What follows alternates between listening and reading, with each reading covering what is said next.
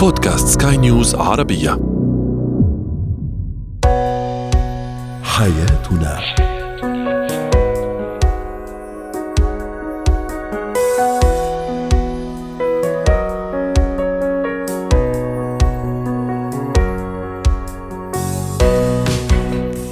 مستمعينا الكرام أهلا بكم معنا إلى حياتنا. فضاؤكم اليومي الذي يعنى بشؤون الاسره وباقي الشؤون الحياتيه الأخرى والذي يمكنكم الاستماع إليه عبر منصة سكاي نيوز عربية dot com slash بودكاست وباقي منصات سكاي نيوز العربية الأخرى وشاركونا عبر رقم الواتساب صفر صفر تسعة سبعة واحد خمسة ستة واحد ثمانية ثمانية ستة اثنان اثنان ثلاثة. معي أنا عمال شابة. اليوم نتحدث عن المقارنة في الحياة الزوجية.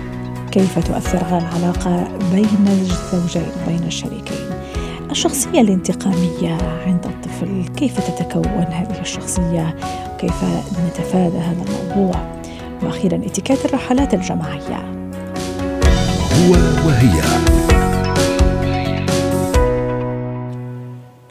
اليوم نتحدث عن موضوع في غاية الأهمية المقارنة في الحياة الزوجية. عندما تقوم الزوجة بمقارنة سلوك شريكها زوجها ظروفه المادية مظهره الخارجي بأشخاص آخرين. نفس الشيء بالنسبة للزوج. عندما يقوم بمقارنة شخصية زوجته سلوكها آه، تصرفاتها آه، حياتهم بشكل عام بحياة الآخرين إلى أي درجة. هذا شكل تهديد واضح وصريح وخطير حتى على العلاقة بينهما.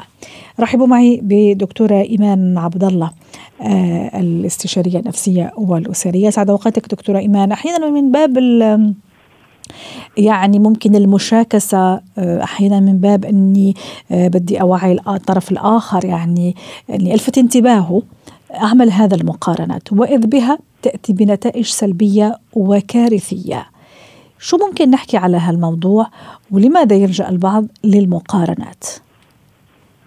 آه، أهلا وسهلا بحضرتك يا أستاذة أمال وبالسادة المستمعين. آه، بشكرك جدا على موضوع المقارنة لأنه بيجي لنا في الاستشارات النفسية مشاكل عديدة بسبب المقارنة ما بين الشريكين. كل واحد فينا له سلبياته وإيجابياته. آه، ففي العلاقه ممكن يحصل نوع من أنواع المشاكل، نوع من أنواع الخلل أو الاضطراب فيلجأ الآخر بدل ما يحل المشكلة يلجأ إلى المقارنة. نعم. وهنا بندخل في نوعين من المقارنة بيقوم بها الشريك. آه قد تكون مقارنة سلبية وقد تكون مقارنة إيجابية.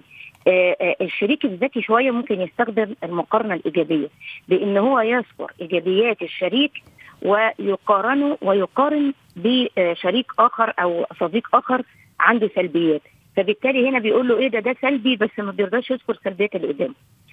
المقارنة السلبية إن أنا أتجاهل إيجابيات الشريك الحياة وأركز على إيجابيات الشخص الآخر. فهنا بتحصل المشكلة اللي حضرتك بتتكلمي عنها النهارده. المشكلة دي ليها أسباب. فليه الناس بتلجأ إلى المقارنة خصوصا الزوجة مثلا؟ لو لو بدأنا بالزوجة لأن لها أسباب مختلفة شوية عن الزوج. الزوجة ممكن يبقى عندها بعض الإسقاطات لأنها بتجد إنه هذا الزوج أو إنها بتتزوج فارس أحلامها فبالتالي لما بتلاقي كذا صفة ناقصة في هذا الزوج بتبدأ تقارن بشخص آخر تقول ده ده شهم آه، ده شجاع ده عنده آه، مادياته أقوى. أنا كنت فاكرة إن أنت مادياتك هتبقى أقوى منه فبالتالي بتبدأ هنا المقارنة بالآخر. هناك الغيرة. ممكن الزوجه تغير من صديقته من حد من أقاربه فبالتالي تبدأ تقارنه أو تبدأ تدخل في قصة المقارنة ما بينها وما بين أنت ليه بتفضل هذه الزوجة وتبدأ هي اللي تقارن على فكرة مش هو كمان. نعم. آه هنا ممكن الزوجة كمان تقع في بؤرة إنه في شخص مثالي ونموذجي آه. فنان زي النجم زي بتوع السينما آه تعتقد إن هذه الشخصية موجودة في الحياة فتبدا بقى المشاكل. وكمان ممكن المقارنة بحياة بينها وبين حياة صديقتها حياة أختها مثلا سلفتها مثلا إيش معنى أختي مثلا؟ زوجها بيعمل كذا كذا. إيش معنى صديقتي؟ زوجها بيسفرها. فكمان هذا المقارنات الخطيرة جدا. لهذه الدرجة ما يتقن هؤلاء لغة الحوار ما عندهم ثقة أنه يحكوا بكل صراحة عما يزعجهم. وما عندهم كمان لغة الحوار اللي تخليهم يصلون لقلب آه، هذا الشريك وعواطفه ومشاعره وعقله كمان حتى نحاوره. طبعا. هنقول برضو حاجة عشان نبقى م... يعني مناصفين إن نعم. أحيانا بتبقى المقارنة بسبب شيء فعلي مش شيء مثلا هي حاسة فيه بالنقص أو هي كانت تتمنى لده. يعني لما يكون الزوج مثلا عنده تقصير فعلي مع الزوجة فهنا لا تصبح ظالمة ولا هو يصبح ظالم. يعني مثلا نسيان بعض المناسبات في الحياة اللي إحنا فيها والضغوط آه نسيان بعض الأمور اللي ممكن كانت بتفرحها أو بتفرحه. فممكن هنا يقعوا في بؤرة المقارنات لأنها بتكون مضغوطة من عدم اهتمام الزوج. آه، التعامل مع الأهل بزيادة من الطرفين يعني سواء الزوجة أو الزوج عندهم الأهل نمبر 1 والزوج ده بيفضل على الرف أو الزوجة بتفضل آه number 2 يعني. فهنا بتحس بتقعد تقارن نفسها هو أنا ليه مش بيهتم بيا زيهم أو هي ليه ما بتهتمش بيا زي ما بتهتم بأهلها رغم إن أنا شريك حياتها أو شريكة حياتها. في كمان حاجة بالشكل زي ما حضرتك ذكرتي هو الزوج دايما عايز الزوجة شكلها جميل فيبدأ يقارنها ما بينه وما بين زميلاته في العمل أصدقائه واي حد من قرايبه. فهنا أو هي كمان على فكرة ممكن تقارن الزوج بالشكل. هي كانت عايزاه شكله حلو ووسيم لأن دايما الأزواج بيعتقدوا في نفسهم إن هم مش لازم أنا أبقى أمور يعني ولا حلو.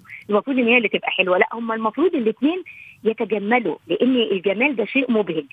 آه في الأسباب العاطفية ودي بيشتركوا فيها الاثنين يعني الاحتياج العاطفي الزوج بيحتاج للعاطفة زي ما الزوجة بتحتاج للعاطفة فيبدأ يقارنوا نفسهم بالناس اللي بيحكوا حواليهم ودي مشكلة. إن إحنا بنعتقد أستاذة أمال إن اللي بيجي يحكي لنا عن شريك حياته إن هو حد نموذجي ومثالي والزوجة دي نموذجية فطلع الإسقاطات دي على زوجتي أو طلع الإسقاطات دي على زوجتي.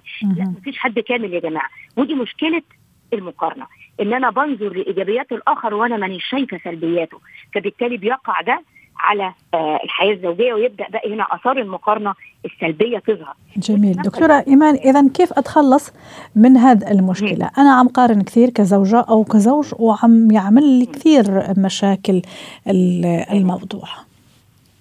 طيب إحنا لازم نعرف إنه المقارنة يا جماعة مش حل ولا هقول لكم الحل في إيه بس لانها بتثير مشاعر الغيرة الإحباط الضيق أحيانا الإكتئاب والتصرف بعناد لأن أنا خلاص بقى بعت بعت الدنيا فإزاي أتعامل؟ الدراسات برضو قالت لي جزء بسيط إن إحنا لما بنيجي نقارن بالناس اللي أفضل مننا بنصاب بالاحباط وأحيانا في لفظ كده نفسي هيعجب حضرتك هو تآكل الإحساس بالالتزام والاستقرار في العلاقة بسبب المقارنة.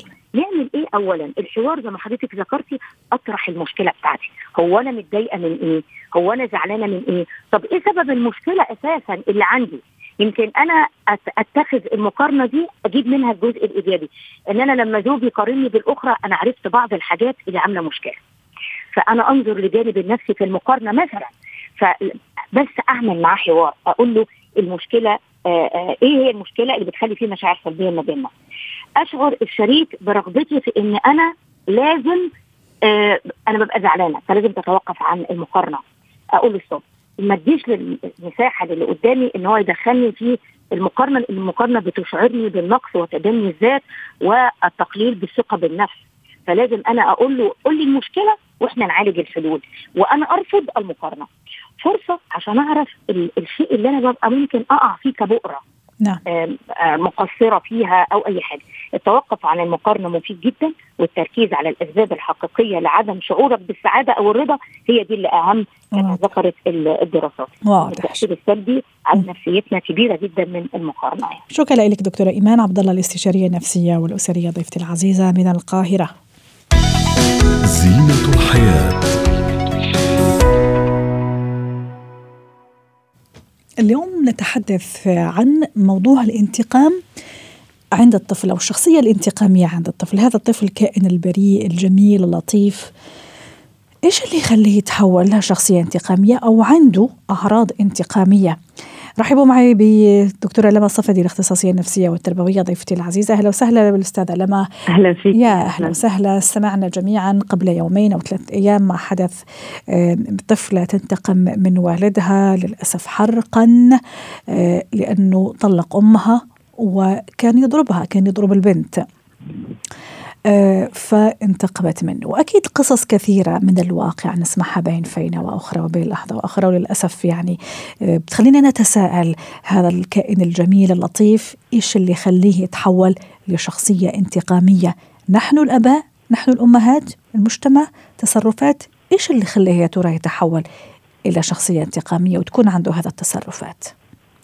هو بالدرجة الأولى أكيد الأهل لأن هن مصدر الأمان والتربية والأسلوب الصحيح اللي هو ممكن يمشي عليه. فعادة لما بتصير في مشاكل أسرية في المنزل وهو الطفل يشعر بعدم الأمان وتراكم المشاعر السلبية. كيف يعني تراكم؟ يعني الأب بيضرب مثلا على مدى عدة سنوات بهين بيستخف استهزاء. فبالتالي المشاعر السلبية بتبتدي تتكون وتزيد مع الوقت. حتى تصل إلى مرحلة بأنه هذا الطفل عنده كمية كبيرة من المشاعر يعني هو طالما أنا تعرضت لضرب وإهانات خصوصا لما كمان الأم بتكون مثلا بتنضرب أمامه فبالتالي هو يصبح العنف أسلوبه يعني نحن بنعرف بأنه نحن مكتسبين لكل ما يدور حولنا نعم. فبالتالي هو يعني مثل ما تعاملني بكل فعل ردة فعل صحيح. أنت عاملتني بضرب وقسوة وعنف وإهانات فبالتالي يبدأ بالبحث عن نفس الأسلوب حتى يرده. لهيك في كثير أمهات أنا لما بشوف طفل عنيف أو عدائي أول سؤال بسأله للأم هل أنت بتتبعي أسلوب الضرب اللا بتقلي كيف يعني ضرب لا شعوري؟ بقول يعني تسوى شيء غلط يعني بالكف على رجله على إيده دفتي أحيانا قرص عض. هل بتسويها؟ فبتقلي طبعا أكيد بسويها. مثلا ممكن يكون بيزعج أخته بيسوي فبعمل أسلوب الدفع أو الابتعاد عن هي يعني بأسلوب الجسدي. نعم. فبالتالي هو طبيعي لما يطلب منها مثلا أنا اليوم بدي ألعب وهي ترفض أول شيء بيسويه بيروح بعض أو بيضرب.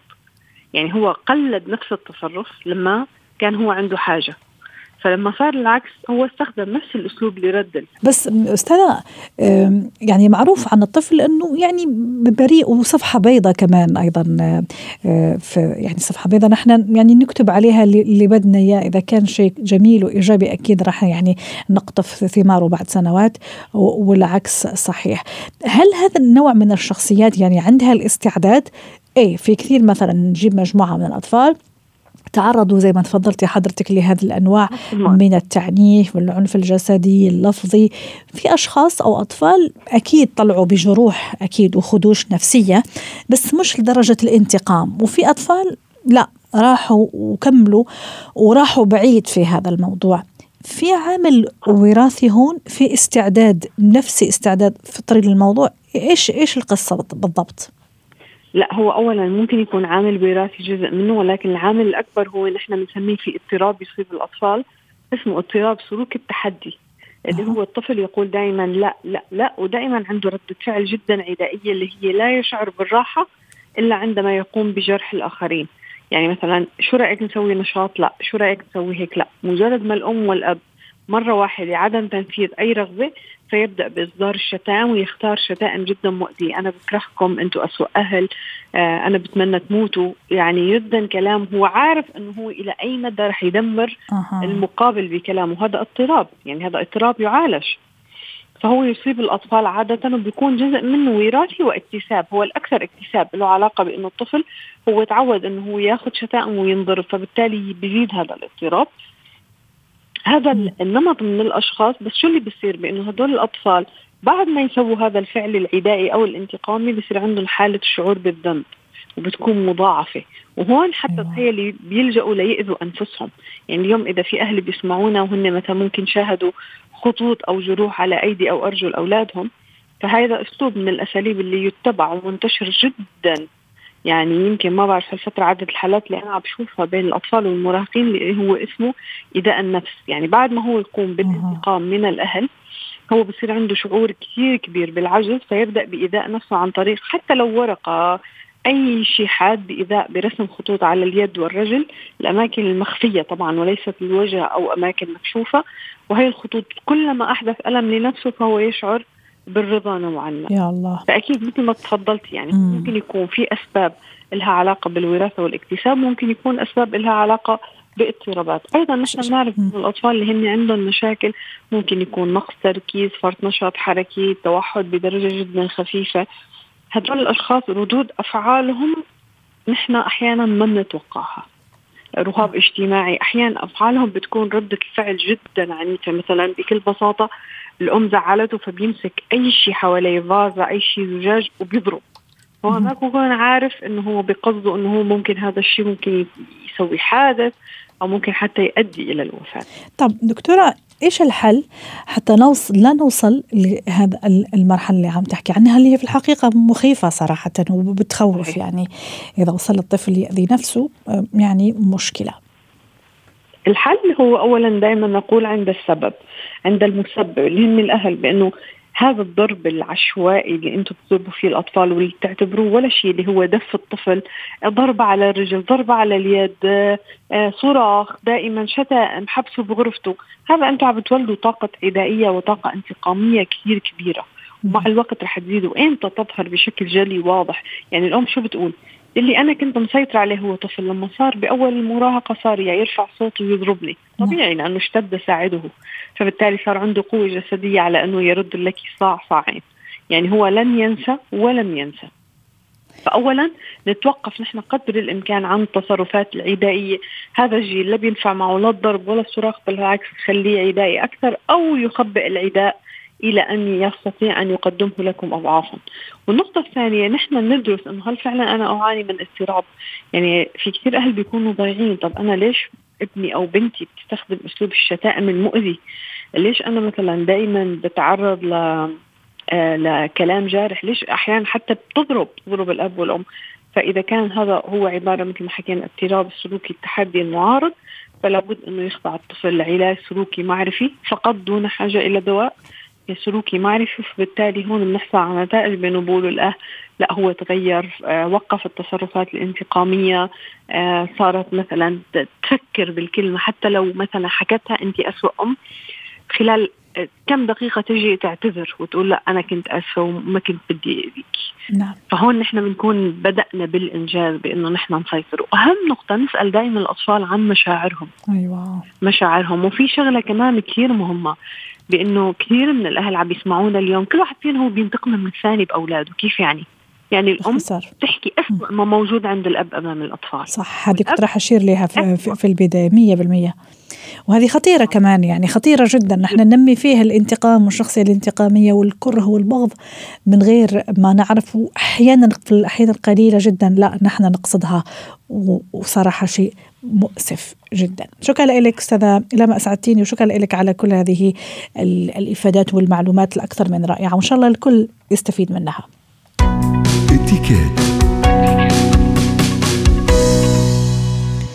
في أشخاص بيحبوا يسافروا لوحدهم في أشخاص لا بيحبوا يروحوا رحلات جماعية مع الأصدقاء الأهل الأحبة. دعونا نتعرف اليوم على اتكات الرحلات الجماعية. معي من بيروت ناتالي أندراوس خبيرة الاتيكات ناتالي أهلا وسهلا. بالعادة بتحبي تروحي مثلا رحلات جروب ولا بتفضلي تكوني مثلا لوحدك أو ممكن مع آه، شخص لا أكثر؟ مرحبا أمل. بالنسبة للدهرات يعني بحس إنه في أماكن مش حلو واحد يروح لوحده. بدك تكوني ضمن جماعة. في محلات بتحسي حالك بدك تكون لوحدك أو بس مع شريك إنه شخص واحد. فأنا ما عندي مشكلة بكل شيء بس مهم تكون الضهرة إنه استمتع فيها وانبسط فيها ومثل ما بيقولوا على ذوقك. جميل. وطبيعة المكان زي ما تفضلتي هي اللي تحدد كيف راح تكون الرحلة أو السفر. اليوم نتحدث عن الرحلات الجماعية في group ممكن group سياحي ممكن لا يعني الصديقات اتفقنا مع بعض أو أصدقاء اتفقوا مع بعض ويطلعوا رحلة سياحية قد تكون سفر برا البلد يعني نستقل الطائرة. قد يكون لا يعني سفر ممكن ويكند ونرجع يعني في مناطق قريبة من مكان سكننا. في كل الأحوال يعني هي رحلة جماعية وأنا ماني وحدي وأكيد يعني في أشخاص أتعامل معهم صحيح. آه، وممكن أنه تتخلل كمان أنه يكون في نوع من المنامة ببعض الأحيان إذا كانت الرحلة طويلة يعني أكثر من يوم. من هون في ما ندور على نقطتين. يعني إذا كانت عم نحكي رحلة خلال يوم واحد آه، يعني نحن في عنا هذا النهار ما نقضيه بأفضل طريقة ممكنة بأكثر طريقة فيها فينا نستمتع فيها كلنا سوا كل الجماعة مش إنه هون آه، يكون الأنانية طاغية، يعني إن كان الرحلة عبارة عن كذا يوم أو بيوم واحد دائما وقت تكوني أنت ظاهرة ضمن جماعة شوي بدك تتخلي عن الأنانية تبعيتك لأنه وقت تكوني أنت بدك تقرري تاخذي كل القرارات بدك تمشي الجماعة على قراراتك رح يصير في انزعاج من الأفراد الباقيين الموجودين بالجماعة. نعم. هون كثير ضروري إنه نكون محطوط البلان المحطوط التنظيم الرحله آه، مسبقا. يعني يكون في اتفاق على من الجماعة إنه نحن رح نزور هذا الشيء هذا المكان رح نعمل هذا ال activity إنه ما يكون آه آخر دقيقة إنه تعرفوا إنه أنا غيرت رأيي هات لحتى نعمل هذا الشيء ممكن يصير في تغيير بال plan آخر دقيقة بآخر لحظة ولكن كمان ما يكون في استفراد للقرار. يعني لازم نرجع للجماعة. من الأمور كمان لازم ننتبه لها إنه وقت نكون نحن ضمن جماعة الهدف نحن وقت قررنا نظهر مع بعضنا قررنا لحتى نقضي هذا الوقت مع بعضنا وأكيد نكون عم نزور أو عم نشوف إنه مكان جديد. هون ضرورة إنه نحن نعرف حالنا إنه نحن يعني هدفنا نقضي وقت مع هذه المجموعة. هيك لازم نتخلى شوي عن آه، الروتين تبعنا إذا نحن يمكن أنه بنستخدم التليفون كثير نتواصل مثلا مع العائله بشكل مكثف. آه عنا كثير يعني رح نكون إنه شيء ياخذنا من تركيزنا ووقتنا ضمن المجموعة. هذا الشيء لازم نحن ننتبه له لازم نخففه. آه أكثر شيء ممكن. آه كمان من الأمور مثلا إذا نحن عم نحكي سفرة وعم نحكي انه في ممكن ببعض الأحيان كرمال لحتى يخففوا الكوست تبعول أها. بصير يناموا بصير يناموا بذات الأوضة مثلا شخصين أو ممكن حتى أكثر. آه, آه، خاصة إذا عم نحكي انه النساء مع بعضهم. فهون ضروري انه وقت بتكوني عم بتشاركي الغرفة مع شخص آخر كمان انت تكوني آه، خفيفة وتكوني مدركة انه في اللياقات اللي هي صح. آه، أول شيء نحن نحافظ على النظافة تبعت المكان نحن مش لوحدنا لأنه في شخص معنا فتنا على الحمام ننتبه انه نحن نرجع وقت نظهر من الحمام نسلمه للحمام بالطريقة النظيفة اللي كان اللي فتنا فيها آه شغلة ثالثة إنه نحن آه يكون في آه نوع من التفاهم إنه ممكن إنه لو إنه نحن نفس يعني النساء ببعضهم بس يمكن إنه في بعض النساء ما بيرتاحوا يشوفوا الآخر يمكن إنه عم يعني وقت عم بتغير ثيابها تغير ثيابها قدامها. فهذا كمان نحن نحافظ على إنه الخصوصيه إنه آه، تبعيتنا ولحتى كمان ما نأذي ونضايق الشخص اللي هي الرفيقه الموجودة معنا. بنفوت بنغير بمكان آه، مغلق ثيابنا. ما ما بنغير قدام الآخرين. كمان بالنسبة للماديات بالنسبة للمصاري كمان نحن لازم نكون إنه مدركين إنه عم نتابع المصروف آه، يعني يوم بيومه. آه، في أيام كثير بتصير لأنه مشاكل آه، ضمن الأصدقاء. بيظهروا برحلة واللي بيصير إنه آه، ما بيكونوا عم بيتابعوا المصروف يوم بيوم وبيوصلوا ليتحاسبوا آخر شيء بيكون يمكن في حدا بيقول له بتعرف شو؟ إنه أنا يعني معي الكريدت كارد أنا رح أستعملها بترجع تدفع لي بعدين في أيام بينعمل هذا الشيء واذ إنه بيوصلوا للحساب من بعد الفترة وبصير في مشاكل. كثير ضروري نحن كل يوم بيوم نكون قاعدين وعم نشوف إنه شو صار المصروف لنكون نحن كمان عارفين إنه نحن قديش عم بيطلع علينا وإذا في عنا يمكن شيء أنه يمكن أنه نلفت النظر عليه نلفته بخلال الرحلة بطريقة كمان مرتبة بطريقة مش إنه يعني نكون إنه عم نأذي بكلامنا شخص صحيح. آخر. وأكيد بنحافظ على الأسرار اللي عرفناها على بعض أو على بعضنا البعض في هذه الرحلات عدم إفشاء الاسرار شكرا لك ناتاليا أندراوز خبيرة الاتيكيت ضيفتي العزيزة من بيروت. حياتنا.